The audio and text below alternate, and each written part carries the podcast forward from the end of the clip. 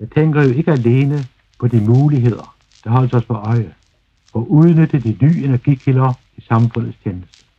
Men først og fremmest for erkendelsen af de uhyre farer, som truer selve civilisationens bestående, der som der ikke i tide kan opnås en verdens omspændende overenskomst for at gennemføre en virkningsfuld kontrol af de frygtelige ødelæggelsesmidler, der ved videnskabens fremskridt er kommet inden for menneskets rækkevidde.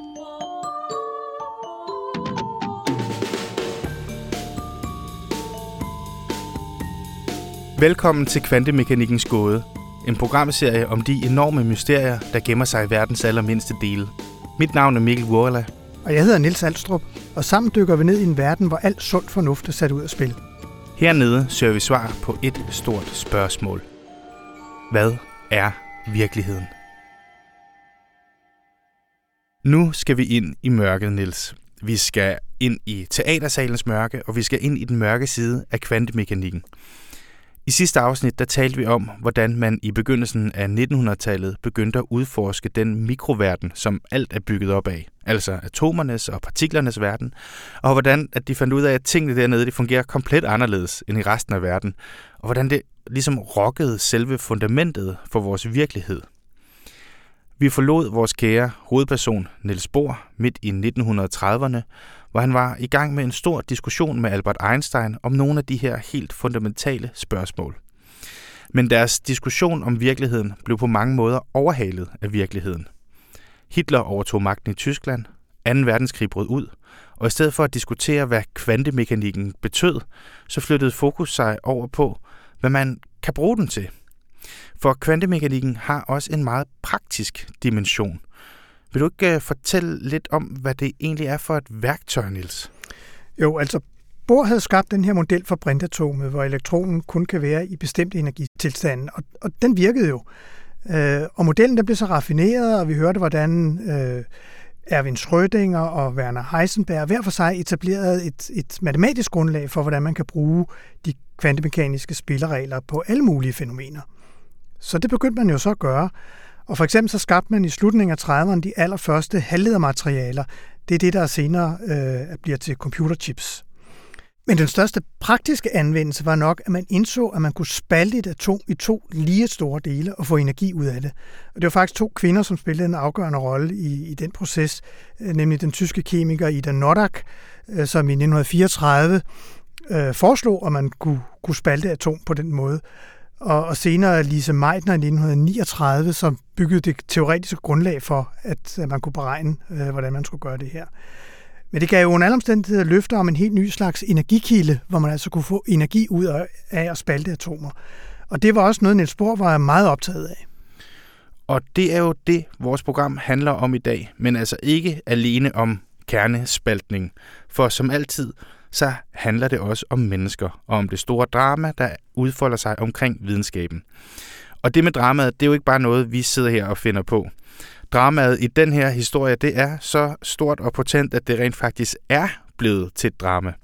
For det kongelige teater, det spiller lige nu stykket København som er skrevet af den britiske dramatiker Michael Frayn. Og det handler om et savnomspundet møde i 1941, hvor den tyske fysiker Werner Heisenberg besøger sin åndelige fader Niels Bohr i hans hjem i København. Heisenberg er leder af Nazi-Tysklands atomforskningsprogram, som ultimativt skal undersøge, om det er muligt at bygge en atombombe til Hitler.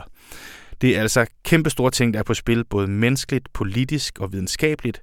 Og alle de dilemmaer skal vi snakke med stykkets instruktør, Anja Behrens om, når hun besøger os i studiet om lidt. Men inden hun dukker op, så vil jeg lige høre dig, Niels. Vi har begge to været inde og se stykket jo. Og hvad kunne du allerbedst lige ved det? Jeg har det sådan, at, at ofte når videnskab og især kvantemekanik bliver brugt i, i drama og især i film, så er, det, så er det typisk som stafage eller til at lappe nogle plothuller, som ellers er svære at få til at hænge sammen. Men her i København, i stykket København, der bliver kvantemekanikkens gåde vævet utrolig fint sammen med det menneskelige drama og, og det gådefulde ved det her mystiske møde mellem de to topfysikere.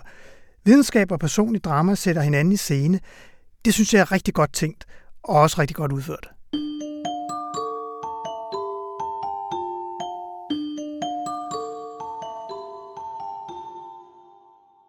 Anja Berens, du har instrueret stykket København, som spiller for fulde huse på det Kongelige Teater, og når det her program bliver sendt, så er I taget ud på turné i Danmark. Men København, det har Niels Bohr som en af sine hovedpersoner, og det handler om virkelig mange ting om moral og ansvar og venskab og fjendskab og mm-hmm. sandt eller falsk, og så handler mm-hmm. det jo også en hel del om kvantefysik. Og, og det er det første, jeg lige vil høre om. Altså, da du læste manuskriptet til det her stykke for første gang, hvordan havde du så med at møde al den fysik? Ja, jeg læste det på engelsk, så det var endnu vildere, synes jeg, fordi jeg, um, det, jeg, jeg, jeg kan huske, at jeg læste, og jeg var, altså nogle gange, så, altså, jeg forst, altså, så efter nogle sider, så var jeg helt lost, og hvad, hvad, hvad, hvad er det her? Og så blev jeg gribet igen, som, fordi der var noget andet end kun fysikken jo i det der store drama.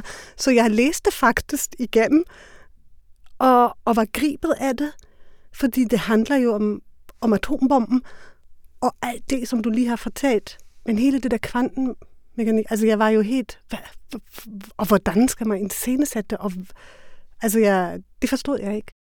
Altså helt ærligt, det, det, og det kan man heller ikke, hvis man ikke ved noget om det, tror jeg. Og måske er der selv de, som kender lidt til det. Altså, der, man skal jo virkelig være på en højt niveau der, ne? for at kunne forstå, og forstå det i detaljerne. Mm. Så øhm, jeg vil sige, at jeg var lidt lost, men jeg var utrolig fascineret på det, fordi jeg var som, okay, det, men på et eller andet måde forstod jeg, at det giver mening. Altså, ja, det kunne jeg mærke. Så, og, og, og var det den der kobling, der er til det menneskelige drama, lige præcis. der får en til at, til at blive hængende, selvom det virker uforståeligt. Lige præcis, fordi ja. man forstod lige fra starten det her med, wow, der er de her to mænd, ja. som har en kæmpe kærlighed og øh, en kæmpe svigt i sig. Ja. Um, og så selvfølgelig Margarete, mm. som hele tiden er den der medlytter og, og også det der øje udefra, som presser de her to mænd ind i deres afgrund på en måde. Ja. Så, så det der menneskelige drama, det gør jo, at jeg som første læser mm. Bliver tændt på en måde. Ne? Men altså, vi havde nogle, nogle snakke bagefter på dramaturgiatet og alt det der, altså kan man det, og ja. på stor scenen, og altså, hvordan gør man det, og sådan noget. Ne? Altså, og I har jo gjort det, og, og ja. vi skal jo snakke mere om netop, hvordan I har iscenesat mm. alle de her ting her. Men for de lyttere, som ikke har været så heldige at se stykket, så tænker vi lige skulle starte med at, at, at tage det forfra. Mm. Vil du prøve at sætte ja, scenen og fortælle, hvad er det, der foregår? Altså, hvad er det for en historie? Ja, øh, jeg prøver. Um, altså, i grund og bund handler det jo om et møde uh, i 1941, som, som Niels Bohr og Werner Heisenberg, som er en fysiker, um, har haft um, 1941, midt under krigen. Ja, det er en virkelig begivenhed. Det er en virkelig begivenhed, lige præcis.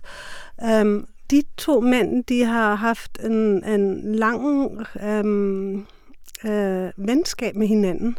Um, og Heisenberg var Niels Bohrs assistent, og Øh, de har arbejdet sammen i mange år før det her møde i København. De har udviklet Københavner øhm, fortolkning. Så de har, de, de har haft et, et, et stærkt forhold til hinanden. Øh, og så var der det der møde i 1941, som ingen rigtig ved, hvad der egentlig skete.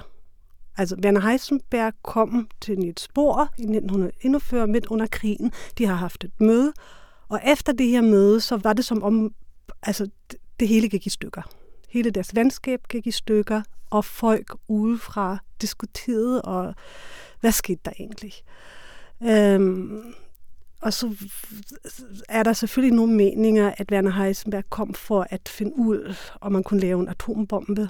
Øhm, hvor meget ved Niels Bohr om det? Um, atombombeforskning, hvor er han henne, kan han få nogle materiale, altså nogle informationer, altså hele det der øhm, store spørgsmål, er, kom Werner Heisenberg til Niels Bohr for at um, finde frem til, um, hvad der skal tid til at kunne bygge en atombombe. Uh, men man ved det ikke. Man ved det ikke, fordi det er ikke rigtig opklaret. Og det er jo det, som, som stykket også leger med, fordi de her tre hovedpersoner, Niels Bohr og hans kone Margrethe og Werner Heisenberg, er jo i stykket, de er jo døde, ikke? Ja. Og mødes på en eller anden måde, Ja, for igen og igen at gennemspille lige præcis. forskellige versioner ja. af det her møde, forskellige Ja. perspektiver og diskussioner Ja, øh, om, hvad det kunne have været, Ja. hvor, hvor man jo, altså, som, som ligesom for at vise den enorme uvidshed, der er omkring, hvad pokker der egentlig mm. skete. Og også for at sige, at man kan, altså det er jo meget klog af Michael Frein, at han sætter dem op i dødsrig, fordi på et eller andet måde, så forstår vi som, som, som, som lytter til det her værk, at de finder ikke fred. Der er et mm, eller andet ja. i de her sjæle, som bliver dybt rystet af det her møde. De, Ja. det, det har rystet deres, deres grund af fundament, og alle tre er blevet rigtig, rigtig ked af det. Sur og frustreret og ej muligt. Så det er jo, at, øhm, at og, og nu får vi lov til at møde de her tre mennesker i dødsrig, og de drifter det stadigvæk. Hvorfor er han kommet? Ja. Hvorfor er Werner Heisenberg kommet den dag? Og hvad skete der egentlig? Og hvorfor gik det så galt den dag? Ja. Um, så det er, det er i sig selv egentlig en ret fint um, udgangspunkt til et uopklaret spørgsmål. Og, og man skal jo huske, hvor dramatisk øh, det er, fordi øh, i, i den sidste del af 30'erne, der hjalp øh, Niels Bohr jo masser af tyske fysikere ud af Tyskland, Ja. øh, fordi de var jøder op og fik dem installeret på, på universiteter og andre steder i Europa, for, fordi de kunne slippe ud. Og så øh, blev Danmark besat, og så dukker Werner Heisenberg op mm. Som repræsentant for den tyske stat. ja. Øh, det, det er jo voldsomt, han kommer ind, og sådan optræder han jo også i stykket som Ja. en elefant i en glasbutik og siger alle de forkerte ting øh, i det her møde med Bohr. Mm. Mm, Så det er meget dramatisk. det er det. Og også, øh, også farligt, fordi Mm. øhm, som, som stykket også beskriver, at der, de, de, der er hele tiden medhør. Ja. Altså det, det, det er øh, også et rum, hvor man ikke rigtig kan tale Ja. frit. For, for, det, er- jeg tror, Werner Heisenberg siger i stykket, jeg, jeg bærer min øhm, overvågning som en smitsom sygdom Ja. med mig. Um, og det gør jo også, at, at man lige pludselig, uh, man er nogle gode venner, og lige pludselig står man foran hinanden, og så er der mistro, fordi man vil ikke. Uh, hvad kan jeg sige, hvad kan jeg ikke sige? Altså fordi de helt konkret er bange for, eller mere eller mindre sikre på, at de bliver aflyttet. Ja, og det var, altså, ja, lige præcis. Mm. Ja. Det ville jo Werner være fantastisk, hvis man kunne finde de øh, bånd, var. Uh, oh ja, der er masser af research i, hvis I vil nørde. altså, det er he- helt vildt. Ja. der er mange breve, mange, um, altså rigtig meget. Ja. Men, men det her møde her er jo, er jo blevet virkelig et legendarisk møde. Altså, hvorfor tror du, Niels, at det er, at det har fået den her legendestatus? Altså jo dels fordi, øh, fordi man ikke ved, hvad de talte om, og de, jo, og de jo har meget forskellige opfattelser bagefter af, hvad, hvad de talte om, hvad det var, Heisenberg ville, og øh, hvad Bohr svarede. Øh, så det er jo et, et, et mysterium selv, når det så er sådan to store videnskabelige ikoner, der, øh, der er uenige om, om, om sådan noget som, som et møde. Så det, det er klart. Og så tror jeg også, det er konteksten. Altså det er det, at det foregår midt under 2. verdenskrig. Det er på en eller anden måde optakten til konstruktionen af den første atombombe. Tyskerne var ikke begyndt på atomprogrammet nu, det tror jeg også fremgav og går stykket, men mm. de skulle til at træffe beslutningen, og Werner Heisenberg var sat i spidsen for det program, der måske skulle startes, måske skulle bevilges penge til. Øh, Bohr var selvfølgelig i kontakt med amerikanerne, men det er uvist, hvor meget han vidste om, hvor langt de var nået øh, på den anden side af Atlanten med at, øh, at, at bygge en atombombe. Så det er lige der i starten af, af, af den voldsomme proces, som, som så førte til den første atombombe. Så endnu der ved de faktisk ikke, om det kan bygges, men de ved, at, at den verden, som de har opdaget altså og udforsket sammen, indeholder muligheden for at udløse enorme mængder energi, og altså lave et ekstremt potent våben. Lige præcis. Mm-hmm. Og så er det jo også det, det når man så sidder og ser det, så, så, så har vi jo en helt, der kender vi jo også historien bagefter, og det gør de også. Ja. Man ved jo, Mhm. at, at det ikke lykkedes Ja. i Tyskland at lave en atombombe, men jeg synes også, da jeg så det hele tiden havde i baghovedet, hvad nu, hvis det var lykkes? Mm. Fordi når historien går, så tænker man jo bare, at jamen, mm. den fik det udfald, den gjorde, det kunne vel ikke have været anderledes. Mm. Men meget kunne jo virkelig have været anderledes ja. i det her. Og noget af det, de diskuterer vildt meget, og som jo Heisenberg også i sine egne forklaringer sidenhen, det er jo, hvad, hvad talte de om, og hvor tæt var det på en, en bombe eller ej. Jeg tænker, jeg lige vil prøve at spille et enkelt lydklip øh, fra mm. stykket. Og øh, det er Heisenberg, der starter med at tale, og så Niels Bohr, der svarer. Der er ikke noget mystisk ved det. Der var aldrig noget mysterium. Jeg husker det fuldstændig klart. Fordi mit liv stod på spil, så jeg valgte mine ord meget omhyggeligt. Jeg spurgte dig ganske simpelt, om man som fysiker har moralsk ret til at forske i den praktiske udnyttelse af atomenergi. Ikke? Det husker jeg ikke. Nej, du husker det ikke, for du blev straks opskræmt. Du stansede bræt op. Jeg var forfærdet. Forfærdet? Godt, det kan du huske.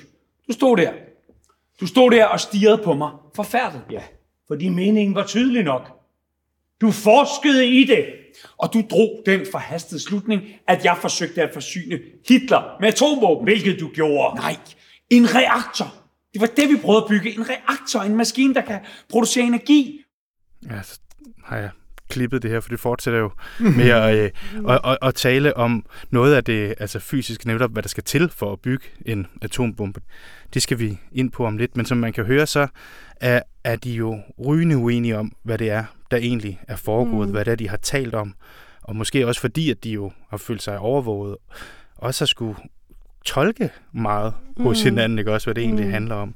Og det spørgsmål, som der hele tiden bliver vendt tilbage til i stykket, er jo, hvorfor kom Werner Heisenberg mm. til København? Mm. Hvad tror du, hvorfor kom Werner Heisenberg til København? Jeg har et op med et søgen svar, faktisk. Øh, fordi jeg prøvede i mit arbejde, altså som instruktør til det her stykke, til at øh, gå ind i, i alle mulige forskellige retninger. Altså jeg, jeg prøvede at gøre han så kompleks som muligt, så, så at jeg ikke mm. finder kun at jeg ikke finder en svar, fordi øh, så, så snart jeg eller der, vi havde mange samtaler om det. Altså Mikkel Arn, som spiller Werner Heisenberg, det er jo en svært rolle. Mm. Øhm, for, fordi det er også en kontrovers rolle. Ja. Altså, øhm, om, om, og selvfølgelig har jeg på et eller andet måde en, en, en, en, også en mening om det, fordi jeg er tysker, og jeg har også en kritisk blik øhm, i forhold til, øhm, øh, til Werner Heisenberg der. Altså, jeg tror, jeg vil ikke kunne skrive det her stykke, som Michael Frein kunne. Altså fordi jeg, jeg er jo præget af, af, af, af det, hvad der skete i Tyskland. Så, så, så jeg tror, jeg vil være lidt hårdere med ham, faktisk. Men, men det er jo uh, uinteressant i forhold til at lave en fiktionsdrama på en teaterscene. Så, så, så, så jeg, jeg skulle arbejde med at um, omfavne alle facetter i ham og forsvare ham så godt som muligt, og samtidig um, ikke øhm, forsvare ham så godt, at man får en svar.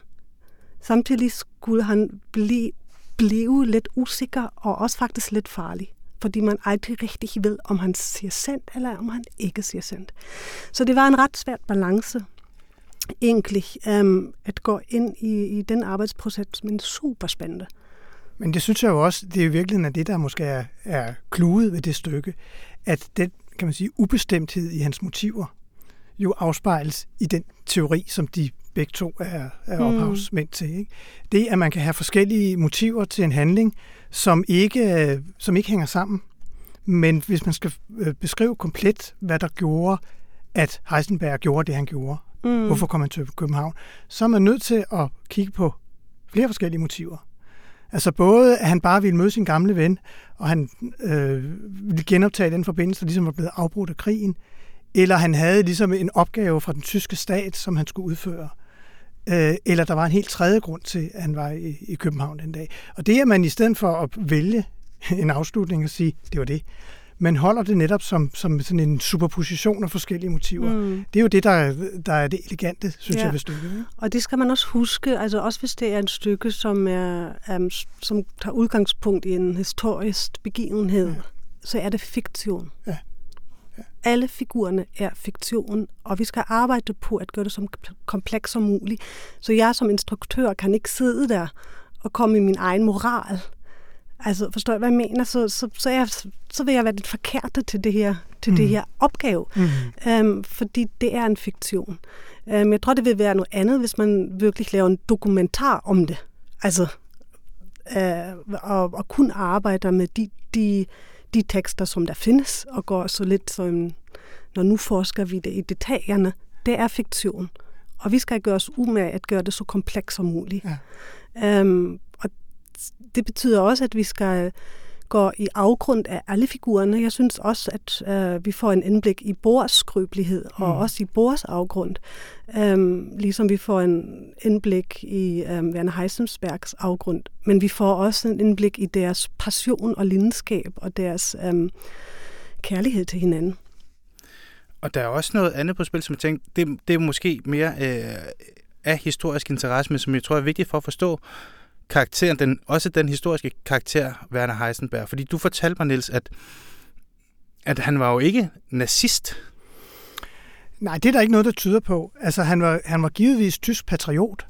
Og vi skal jo huske jo, det er jo en historie, der er blevet genfortalt mange gange, ikke? at Tyskland var i knæ efter Første Verdenskrig.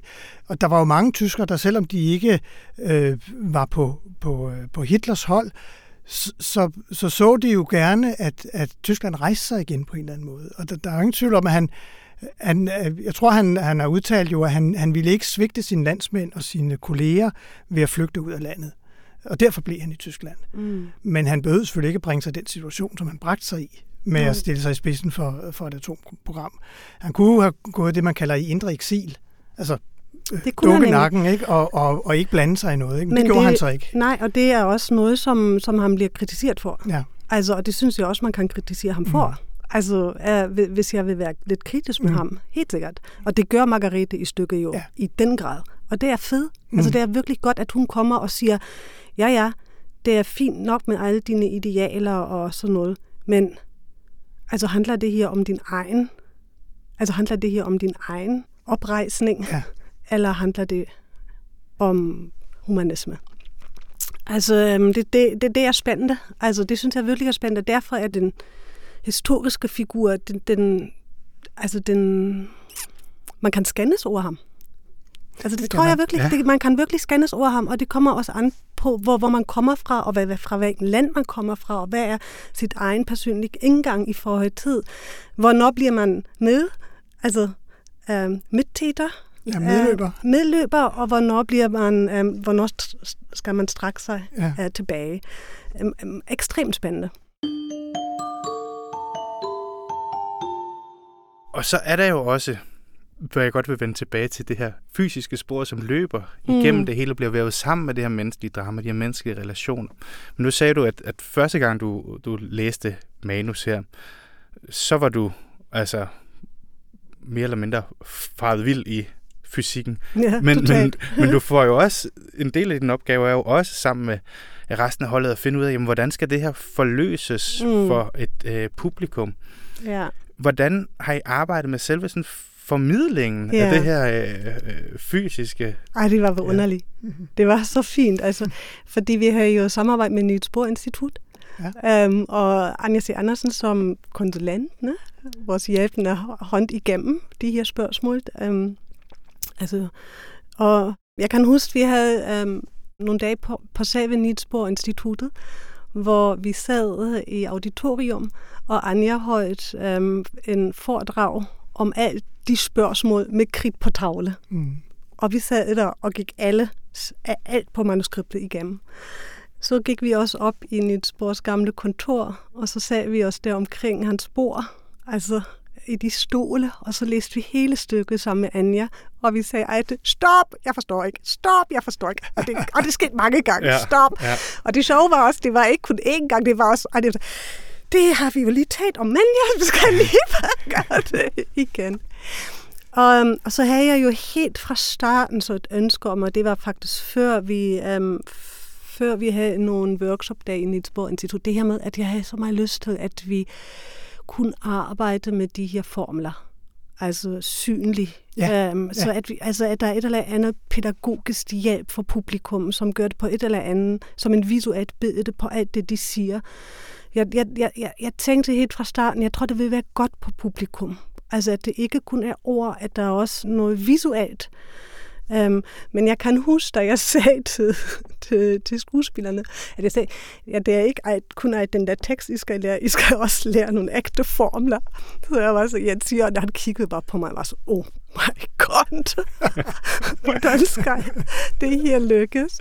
Um, men altså, vi gjorde det. De gjorde det, ja. Og, og vi gjorde det virkelig også. Altså, vi var alle sammen på skolebænk Ja. i flere, flere timer. Meget, meget ordentligt. Igen og igen. Ja, det var, det var meget berigende. Det er jo sjældent. Altså, jeg føler virkelig, at jeg har lært noget helt nyt Ja. ja. i mit liv. Ja, ja, fordi det var nemlig det, jeg ville spørge dig om. Altså, hvad, hvad, øh, der er virkelig to ting. Den første ting, som jeg vil høre, det er, altså, at de her fysiske koncepter, som du bliver præsenteret for, altså ubestemtheden eller komplementaritet og, og de der begreber, som bliver talt om i stykket, hvad for et af de her koncepter, for noget det kan du bedst lide? Jeg kan, tror, jeg kan godt lide, at jeg forstod på en eller anden måde, at der ligger en kæmpe filosofisk dimension bagved alt det. Altså uden at jeg lige præcis kan sige det nu klog, men på en eller anden måde kommer man jo i kontakt med, hvad er sandhed? Og, og, det, og det er, Øh, hvad er objektivt, hvad er subjektivt, findes der overhovedet nu? Altså, så det åbner jo sådan sådan en port, ikke kun, altså, altså det åbner jo også en filosofisk port op, en eksistentiel port op. Og det vidste jeg måske godt, men jeg tror, nu bliver jeg bare indført i det på en helt anden måde. Ja, det er måske ikke et sted, man vil lede efter den indsigt, hvis man kigger på det udefra. Ja, Så vil man måske hellere lede efter det i psykologien eller i mystikken Ja. eller sådan noget, men, men man vil måske ikke gå til, til fysikken for at få den indsigt, at der er den der åbenhed. ja Øh, lige præcis. Og så, fordi jeg var altid super dårlig i matematik. Mm. Jeg synes at det var meget besværligt, så jeg prøvede bare at komme væk fra det så hurtigt som muligt. Um, det er det. Ja. Det er nemlig ekstremt um, interessant, at man kan se det på en filosofisk, menneskelig, eksistentiel måde, og ikke kun som, nu, skulle, nu skal du regne det ud. Ja. Altså, Ja, for det, det var faktisk det, der var mit andet spørgsmål, nemlig om det havde ændret noget på den måde, du ser verden på. mm, ændre noget. Ja, det ved jeg ikke helt, om det virkelig ændrer noget, men altså det her, som, som det, det der slutsætning, som Werner Heisenberg har, ne? altså den der, hvad er der i den der inderste kerne? Altså, hvad er sandheden af den der inderste kerne? Jeg har beskæftiget mig jo meget med det. Altså, der er jo også mange, altså, litteraturen beskæftiger sig jo med det på en måde. Faust, altså, Hmm. hvad holder verden sammen i inderste kerne og alt det der. Men det var jo på, på litteraturens øhm, sprog. Uh, forstår du, hvad jeg mener? Så jeg, jeg, jeg, jeg er jo hjemme i det, men jeg er hjemme i litteraturens sprog i det. Og jeg tror, der har forandret sig noget i forhold til, at der lige pludselig at der er to mennesker, som taler en ubestemthedsrelation, og, man, og, og, og lige pludselig forstår man, at okay, det er faktisk det. Altså, det er faktisk det samme. At man ikke kan kun se det på den ene eller den anden måde. Ja. Altså, at der, at der er ikke noget bestemt. At der er noget fragilitet i alt. Ja, og det, Altså- altså... det var jo noget, Niels Bohr jo også var meget optaget af. Ikke kun inden for fysikken, men han, han øh, forsøgte flere gange at udvide komplementaritetsbegrebet til andre, til psykologien for eksempel. Ah, Ja. Og talte netop om Klart. det der med, med at, at mennesker kunne have forskellige motiver til at gøre en handling, øh, og de motiver kunne være komplementære. At, Ja. at, at de kunne være i modstrid med hinanden, men man kunne ikke give en fuldstændig beskrivelse af, hvad folk tænkte eller agtede at gøre, Mm. uden at have begge dele med. Eller det her med, at øh, vi har følelser, øh, og, og vi har tænkning. Altså, når, når vi reagerer på noget, så kan vi reagere følelsesmæssigt, men vi kan også reflektere over det, der sker med os. Og det er to forskellige ting, men, Ja. men, men de komplementerer, de Ja. er jo begge to med til at beskrive, hvad det er, der sker inde i Ja. os. Ikke? Og det er svært at gøre begge ting Ja, det på det. én gang. Nemlig, det kan man jo ikke. Nej. Nej. Nej. Og det, og det leger de så fint med. Ja. Og det er der, hvorfor det bliver så spændende i stykket, fordi man, altså også hvis de, hvis de diskuterer i deres fagsprog, så diskuterer det jo lige præcis det, hvad deres dilemma er. Ja. Altså hvad deres personlige dilemma, at de ikke kan finde ud, hvad, hvad, hvad er sandheden. Det er min mening, det er din mening. Vi prøver at nærme os. Ja, fordi de der kvantefysiske idéer, de spejler jo mere eller mindre en til en sådan de menneskelige øh, problemer med at forstå øh, hinanden. Ja. Og, øh, og også at huske, hvad der skete, og hvad der er rigtigt og forkert. Og det, Ja. det er jo også det, vi prøver i, i den her serie her, er jo også at prøve at svømme rundt i nogle af de der sådan, øh, øh, filosofiske øh, understrømme, som er i, øh, Mm. i kvantemekanikken, fordi der er så mange ting, som man, som man ikke kan forklare, fordi øh, jeg tror, det er også en menneskelig drift, at man ønsker at få et, at få et ordentligt svar på, jamen, hvordan hænger det sammen? Hvordan i alverden hænger det sammen? Og det kommer der jo Mm. ikke noget svar på Mm. i stykket her. Mm. Og det er der jo heller ikke i, i kvantemekanikken eller i historien om det endnu. Et stort svar på det, der ligger nedenunder. Helt sikkert, man finder, altså, og og det, mm, det, det her med, fordi, fordi vi snakkede også om, jamen, nu, har- nu gik de igennem alt det her i to og en halv timer. Altså, det er jo maraton for de her skuespillere? Ja. Det er jo helt vildt. Um, så, så de her figurer, nu går de... Men altså... De, Ja, for de er jo kun de tre mennesker på scenen. det er de tre mennesker på scenen i to og en halv timer, og de taler igen og igen og prøver at opklare det og at opklare det, og til sidst har de stadigvæk ikke opklaret det. Og det er jo helt vildt. Altså, at man ikke... Og så tænker man, er de kommet videre? Ja. Eller er de ikke kommet videre? Og jeg tænkte nogle gange, ja, men måske er det også på et eller andet måde en, en mening i sig selv, at man bliver ved. Ja. Altså, at man, at, at, at, altså det er jo også det, som forskning gør, det er vores drivskraft til at opklare nogle ting. Altså, selvfølgelig skal vi have en svar, men det, hvad det driver os, er, at vi ikke har et svar.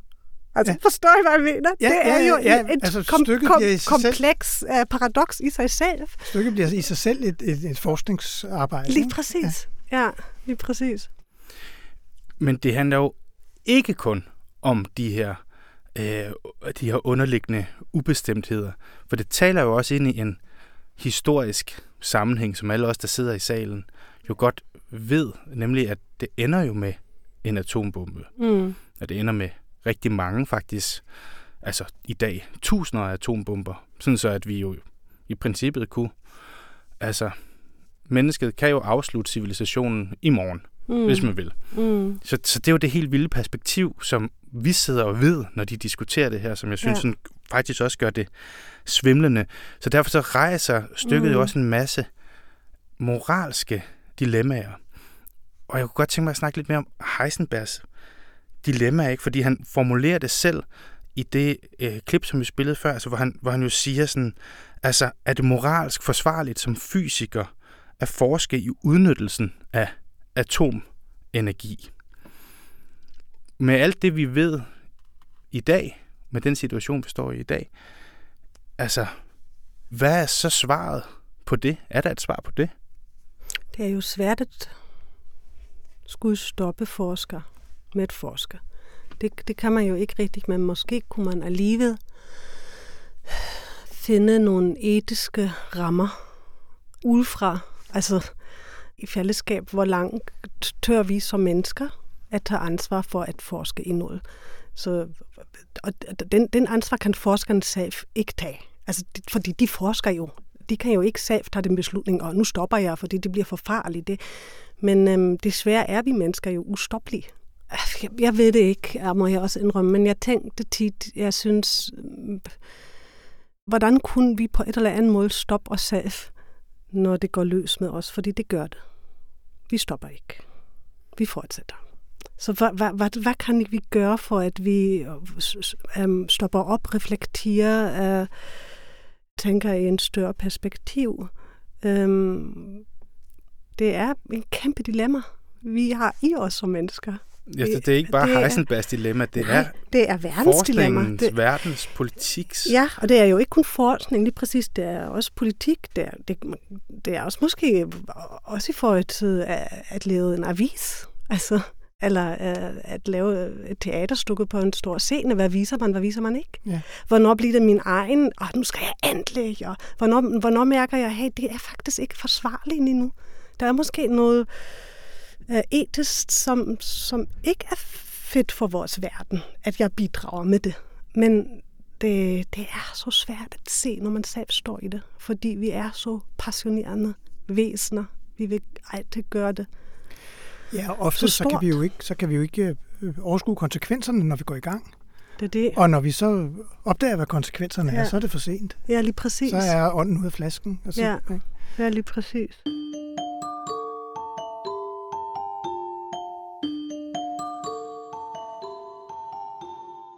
Hvis vi lige bevæger os en lille smule ud over stykket, altså så, så det, der sker videre i historien, det er jo, at Niels Bohr, han ender jo med at flygte ud af Danmark og øh, kommer til Stockholm, og derfra så kommer han til England og så til USA og befinder sig altså en dag i Los Alamos, hvor amerikanerne jo er i gang med deres atomvåbenprogram. Mm. Og jeg ved ikke, om du ved noget om altså, præcis, hvilken rolle han spillede. Jeg ved ikke, om han lavede sådan aktiv forskning, men han, han var der, og hans tilstedeværelse øh, har jo ikke i hvert fald bremset projektet på nogen måde, når han render rundt der under sit kodenavn Nicholas Baker i Los Alamos.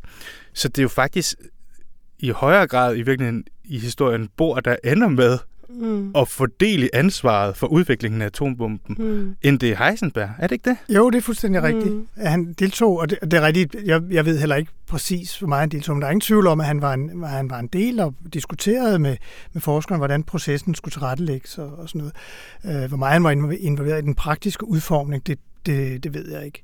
Øh, men men han, han var en del af projektet, det er der ingen tvivl om. Og, men, og derfor er det også så rørende, fordi egentlig kunne man sige, at hvis man nu siger det så lidt sort og hvidt, så vil man sige, er altså i stykket selv, eller også hvordan setupet er, så er Heisenberg måske en lille smule the bad guy, og Bohr en lille smule the good guy. Mm. Ne? Bare, altså, det er meget komplekser. Men det smukke er jo, ligesom du har beskrevet, det er Bohr, som kommer i det der kæmpe dilemma til sidst, fordi han var til sted i Los Alamos der.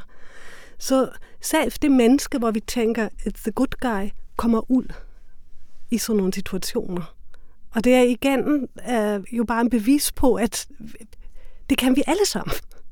Altså, vi er ikke, det, det er menneskets iboende øh, potentiale, at vi kommer til at gøre nogle ting, som, som kan være mega farlige og forfærdelige. Så, så og det, det synes jeg faktisk er ret, um, altså, det er selvfølgelig synd for borgere og alt muligt, men på et eller andet måde, når jeg kigger tilbage som refleksion, synes jeg, det egentlig er ekstremt rørende. Mm. Så at vi, vi alle har hybris i os. Ja. Altså. Ja, for jeg har læst en beskrivelse af den første atomvåben-test, som så blev foretaget i USA og som er, er Robert Oppenheimer, som var leder af programmet, mm. som har sagt sådan, altså at, at, at alle de ligesom sådan ja. stod i komplet tavshed, men der var ikke tvivl om, at alle, der var til stede der, de vidste, at nu er verden ikke længere den mm. samme, da den der paddehattesky mm. rejste sig. Og det er jo så skæbnesvangt. Altså det, som, det, som Oppenheimer selv øh, altså, siger, han tænkte i øjeblikket, han tænkte på sådan en, øh, en hinduistisk øh, saying, som, som jeg skrev ned her, altså Now I am become death, the destroyer of worlds. Mm. Det er jo for mig, altså virkelig, det, det er jo sådan skæbnesvanger gange tusind, det der foregår lige der. Man kan faktisk finde et, et klip på YouTube, hvor han, hvor han siger det øh, sådan ud til kameraet. Det klip kan vi da lige prøve at spille. We knew the world would not be the same. Few people laughed. Few people cried. Most people were silent. I remembered the line from the Hindu scripture, the Bhagavad Gita. Vishnu is trying to persuade the prince that he should do his duty, and to impress him, takes on his multi-armed form and says, Now I am become death, the destroyer of worlds. I suppose we all thought that one way or another. Men, men hvordan havde Niels Bohr det egentlig med atombomben bagefter, efter krigen? Jamen, han brugte jo resten af sit liv på at arbejde for nedrustning. hvilket gjorde ham noget suspekt i amerikanernes øjne.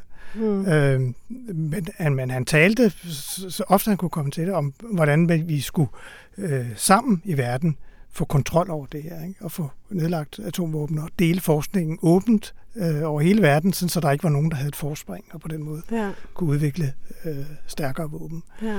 Og det var amerikanerne i hvert fald ikke glade for, Mm, at han begyndte at blande sig i politik. mm, Men jeg synes med den her kvanteverden her, ikke? Altså det, fordi det ligesom har givet adgang til ikke bare en ny måde at, at forstå verden på, eller blive forvirret over verden på, men også en ny måde at bruge de mindste bestanddele på. Så står vi jo også i en situation i dag her 100 år efter, hvor man jo slet ikke er færdig med at udforske det. Altså hvor man jo benytter teknikken til at lave mere og mere revolutionerende ting. Nu her i år, der har, der har NATO jo valgt at, at lægge sådan et forskningscenter i kvantecomputere i København, altså ude på Niels Bohr Instituttet. ja. Der arbejder de også med det, men til en, til en militær alliance også. Mm. Så altså, jeg ved ikke, det, det er jo ikke et våben i sig selv, men er det ikke også en, altså, er det endnu en Pandoras æske, som, som vi er ved at åbne for her? Hvad, hvad tænker du om, om det, Niels? Det er der, er- der er tættest på at kunne vide noget som helst kvalificeret om det. Øhm, ja, jeg kan jo godt i den her sluttede kreds røbe. Jeg har også deltaget i en konference, der var betalt af NATO engang, så, så det, det er mere udbredt, end man måske skulle tro. Og jeg ved måske ikke det, som det er så afgørende, om pengene kommer fra, fra NATO eller kommer fra et andet sted. Man kunne jo omvendt sige, at så længe pengene bliver brugt til grundforskning, så bliver de jo i hvert fald ikke øh, brugt til at købe nye våbensystemer for. Øhm, men det er da rigtigt, at der er jo altid en potentiel øh, risiko ved at udvikle noget nyt. Fordi ofte kan det bruges til noget, som vi måske ikke ønsker, det skulle være blevet brugt til. Øhm, men, men sagen er jo bare, at vi afskærer os fra meget ny udvikling, hvis vi siger, at det her, det vil vi slet ikke kigge på.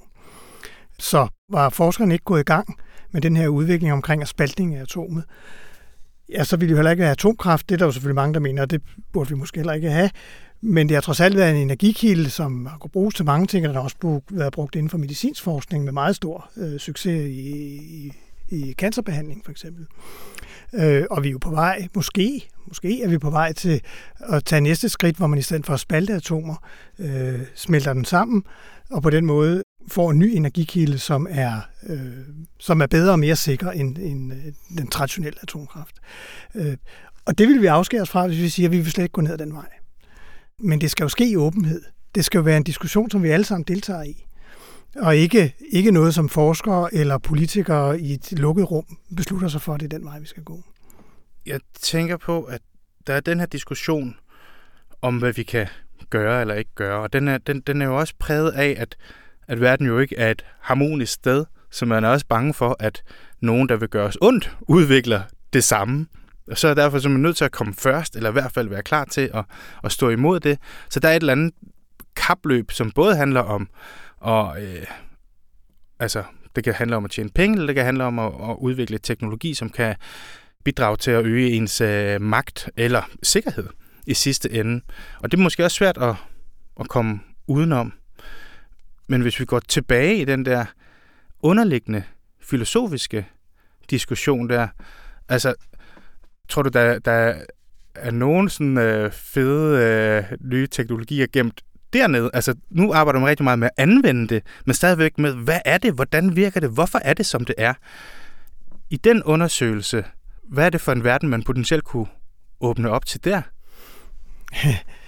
Altså, vi- hvis jeg vidste det, eller hvis vi vidste det, så var vi der jo på en eller anden måde allerede. Altså, jeg tror, de der nye erkendelser, de kommer jo altid som en overraskelse.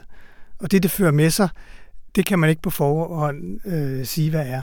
Øh, så, så hvis man der i, i, i 30'erne, da Bohr og Heisenberg og de andre udviklede kvantemekanikken, der kunne man jo heller ikke sige noget om, at det ville føre til, at vi i dag har en, en telefon, der kan alt muligt. Men det er jo faktisk det, der er sket. Men man kan ikke, det er enormt svært at sige, hvad, hvad det skal føre til på mm. godt og Mm. ondt. Ikke? Det er klart. Men vi kommer jo til at fortsætte med at diskutere videre, eller undersøge videre om det her øh, dybere øh, grundlag i, i kvantemekanikken, og det vi kalder sådan kampen om virkeligheden. Men, men jeg er lidt nysgerrig på, Anja, for, for dig, ikke, hvor, hvor du virker som om, at du på en måde er meget tilfreds, eller har, har fundet en ro i den der usikkerhed, alt det uforklarede, som der i virkeligheden viser sig at være nede i fysikken. Men hvis du nu kunne vælge, vil du så gerne have en forklaring. Altså at man fandt frem til, hvordan det i virkeligheden hang sammen dernede under. Nej, jeg har meget mere lyst til, at vi kommer af med den der atombombe. altså, det, altså jeg har ikke, det er ikke vigtigt for mig. Altså, jeg synes jo, det er, at det, det var jo også det, jeg kunne mærke, da jeg lige stykket første gang. Det, var, det er ikke så, altså, det er spændende. Det er spændende. Men det, som gør det skræmmende for mig, det er jo, hvor vi står i dag. At den findes, at den der ud. Altså de handlinger, vi gør i livet, de har nogle konsekvenser, når vi dør. Ikke for at sige, at det er deres skyld, det, det, det ved vi godt, det, det skal vi slet ikke snakke om, men vi er nødt til at snakke om, hvad vores handlinger gør, og hvad, hvad gør vores handlinger, når vi er død. De mødes i dødsrum, fordi de finder ikke fred. Men vi har heller ikke fred, fordi den der elefant er derude. Altså, øhm, og det kan jeg også huske, da jeg var ung, og Tjernobyl, øhm, mm. altså, altså, det brænder i mig. Altså, det, det, det er jo, at øhm, vi står i en situation, som er så farlig. Og jeg synes jo, det er, og derfor tror jeg også, jeg kan virkelig godt lide Nielsborg, at han var så aktiv med at italesætte det.